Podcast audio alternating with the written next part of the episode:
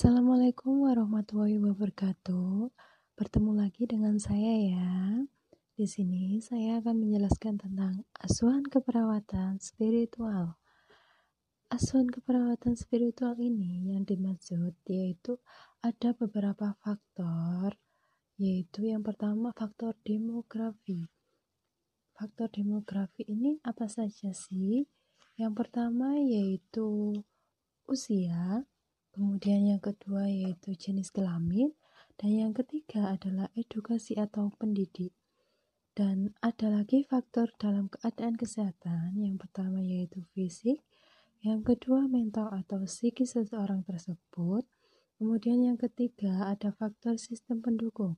Faktor sistem pendukung ini merupakan contohnya yaitu status pernikahan, kemudian ada semen hidup dan dukungan orang lain. Kemudian kita lanjut ke penjelasan keperawatan sendiri. Keperawatan sendiri diartikan adalah komitmen tentang mengasihi atau kita biasanya disebut dengan caring atau peduli dengan klien kita. Itulah yang dinamakan keperawatan. Kemudian elemen keperawatan sendiri dalam kesehatan yang berkualitas akan lebih menunjukkan kasih sayang pada klien sehingga terbentuknya hubungan saling percaya. Kemudian rasa saling percaya tersebut semakin diperkuat ketika perawat menghargai dan mendukung kesejahteraan spiritual klien itu sendiri. Dalam penerapan proses keperawatan spiritual, klien tidak sederhana. Jadi, bukan sekedar mengkaji praktik dan ritual keagamaan klien saja, tetapi kita harus memahami spiritualitas klien itu, kemudian secara tepat mengidentifikasi tingkat dukungan dan sumber yang diperlukan, dan membutuhkan perspektif baru yang lebih luas. Kemudian kita lanjut ke belajar memahami aspek positif dari spiritualitas klien tersebut. Kemudian kita baru mendukung dan mengenali klien dalam pemberian asuhan keperawatan yang efektif.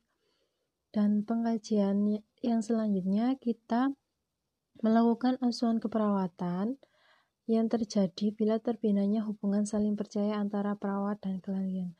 Jadi, maksudnya di sini kita harus mengambil hati klien tersebut akan bisa menumbuhkan rasa saling percaya. Lah, nanti kita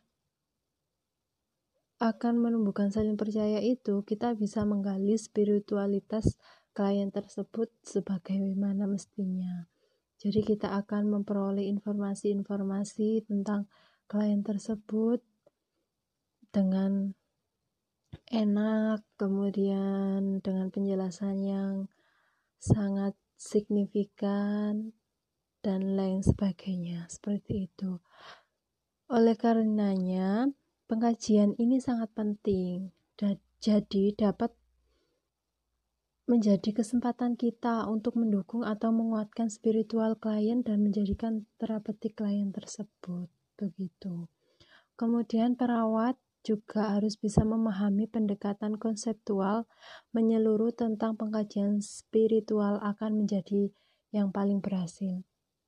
Jadi kita harus memahami dengan pendekatan konseptual, maka kita akan bisa mengkaji secara spiritual secara keseluruhan dan itu akan dijamin berhasilnya. Itu menurut Faran tahun 1989. Terus kapan sih pengkajian dilakukan? Pengkajian sebaiknya dilakukan setelah perawat dapat membentuk hubungan yang baik dengan pasien atau dengan orang terdekat pasien. Jadi kita harus melakukan BHSP dulu. Apa sih BHSP itu? Bina hubungan saling percaya. Jadi kita akan menumbuhkan rasa BHSP terlebih dahulu, maka kita bisa mengkaji secara keseluruhan. Begitu. Kemudian apa sih yang harus dikaji dalam spiritual klien ini? Yang pertama yaitu afiliasi agama. Kenapa afiliasi agama ini sangat penting?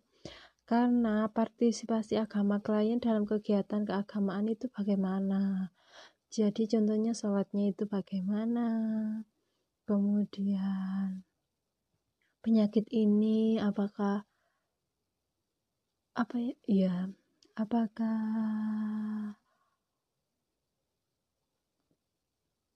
dari Allah apa gimana gitu terus kemudian yang kedua yaitu jenis partisipasi dalam kegiatan keagamaan orangnya dalam masyarakat itu uh, sering mengikuti seperti tahlilan, apa pengajian, begitu. Kemudian yang kedua yaitu keyakinan atau spiritual agama. Yang pertama yaitu praktek kesehatan seperti diet, mencari menerima terapi atau upacara keagamaan, begitu contohnya. Kemudian yang kedua yaitu persepsi penyakit. Yang pertama yaitu contohnya seperti apakah penyakit ini adalah hukuman dari Allah gitu. Apakah ini cobaan terhadap keyakinan seperti itu. Kemudian yang ketiga yaitu serta strategi coping.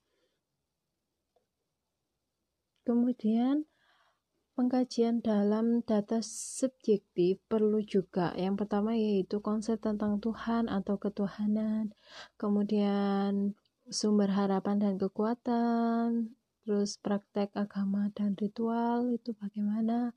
Kemudian yang keempat hubungan antara keyakinan dan kondisi kesehatan itu sendiri. Kemudian untuk pengkajian objektifnya, yang pertama yaitu kita mengkaji afektif, apakah pasien tampak kesepian atau depresi, marah, cemas atau apatis dan lain sebagainya seperti itu. Kemudian yang kedua perilaku. Bagaimana sih perilaku pasien? Pasien nampak berdoa sebelum makan, atau membaca kitab suci terlebih dahulu, atau pasien sering kali mengeluh dan tidak dapat tidur, bermimpi buruk, dan berbagai bentuk gangguan tidur lainnya seperti itu. Kemudian yang ketiga yaitu verbalisasi. Contohnya yaitu apakah pasien menyebut Tuhan, doa, rumah ibadah, atau topik keagamaan lainnya. Kemudian yang keempat yaitu hubungan interpersonal. Ini maksudnya siapa pengunjung pasien, bagaimana pasien berespon terhadap pengunjungnya, apakah pemuka agama datang mengunjungi pasien, dan bagaimana pasien berhubungan dengan pasien yang lain, seperti itu. Kemudian yang kelima, lingkungan. Apa Apakah pasien menjawab kitab suci atau perlengkapan ibadah lainnya? Apakah pasien menerima kiriman tanda simpati dari unsur keagamaan dan lain sebagainya? Kemudian diagnosa keperawatan. Nah, diagnosa keperawatan ini sendiri ada beberapa penjelasan dari berbagai sumber atau berbagai ilmuwan. Ini menurut Farhan tahun 1989 ketika meninjau pengkajian spiritual dan mengintegrasikan informasi ke dalam diagnosa keperawatan yang sesuai, perawat harus mempertimbangkan status kesehatan klien terakhir dari perspektif holistik dengan spiritual sebagai prinsip kesatuan. Jadi kita harus mengkaji perspektifnya secara keseluruhan begitu.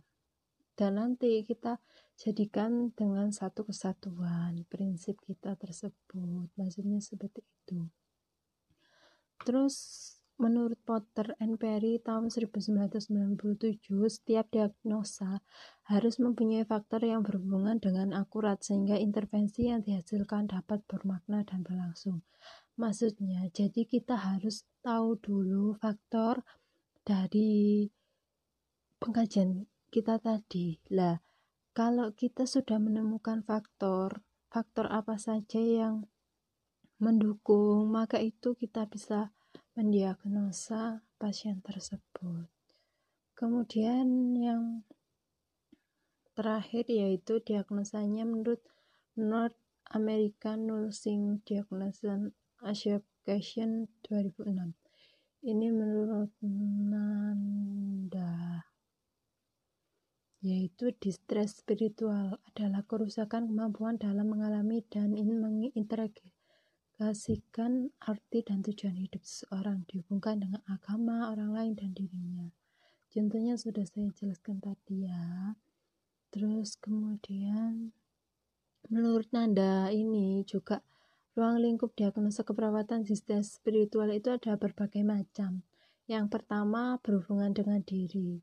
Jadi contohnya itu mengekspresikan kurang dalam harapan, arti, tujuan hidup, kedamaian, penerimaan, cinta, memaafkan diri, keberanian, marah, rasa bersalah, coping yang buruk. Kemudian yang kedua yaitu berhubungan dengan orang lain. Contohnya menolak berinteraksi dengan teman, keluarga, dan pemimpin agamanya. Kemudian mengungkapkan terpisah dari sistem dukungan, kemudian mengekspresikan keterasingan. Jadi klien itu merasa terasingkan seperti itu. Kemudian yang ketiga yaitu berhubungan dengan seni, musik, literatur, dan alam. Jadi contohnya tidak mampu mengekspresikan kondisi kreatif atau tidak mampu bernyanyi. Terus tidak ada ketertarikan kepada alam dan tidak ada ketertarikan kepada bacaan agama sama sekali.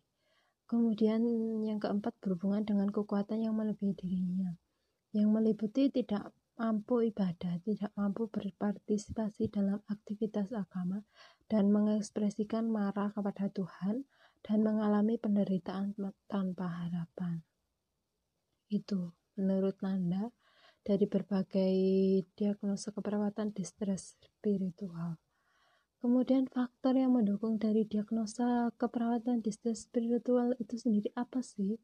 Contohnya yaitu tadi mengasingkan diri, kesendirian atau pengasingan sosial dari masyarakat-masyarakat di sekitar atau tetangga sekitar itu, kemudian rasa cemas, kurang sosiokultural atau deprivasi, ter apa sangat privasi sekali gitu loh, nggak bisa cerita ke satu orang pun nggak bisa seperti itu.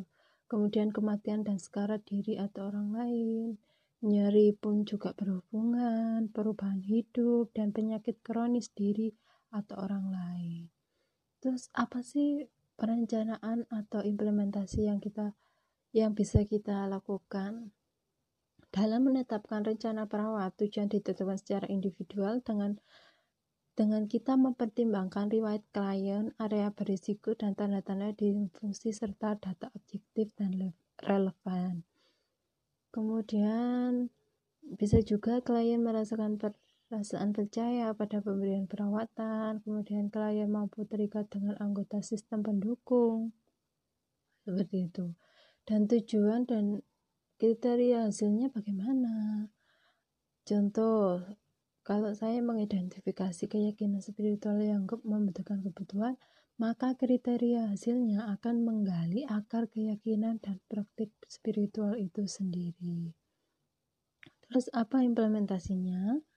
Periksa keyakinan spiritual ibadah terlebih dahulu dan fokuskan perhatian pada persepsi klien terhadap kebutuhan spiritualnya dan lain sebagainya. Kemudian Kemudian apa evaluasi yang bisa dikaji dalam kita distress spiritual tadi? Yang pertama yaitu perawat mengevaluasi apakah intervensi keperawatan membantu menguatkan spiritualitas klien. Kemudian perawat membandingkan tingkah spiritualitas klien dengan perilaku dan kebutuhan yang tercatat dalam pengkajian keperawatan. Klien harus mengalami emosi sesuai dengan situasi, mengembangkan citra diri yang kuat dan realistis, dan mengalami hubungan interpersonal yang terbuka dan hangat. Kemudian, klien harus mempertahankan misi dalam hidup dan yakin dengan Tuhan yang Maha Kuasa atau Maha Tinggi. Begitu. Sekian penjelasan dari saya tentang asuhan keperawatan spiritual. Terima kasih, semoga bermanfaat. Wassalamualaikum warahmatullahi wabarakatuh.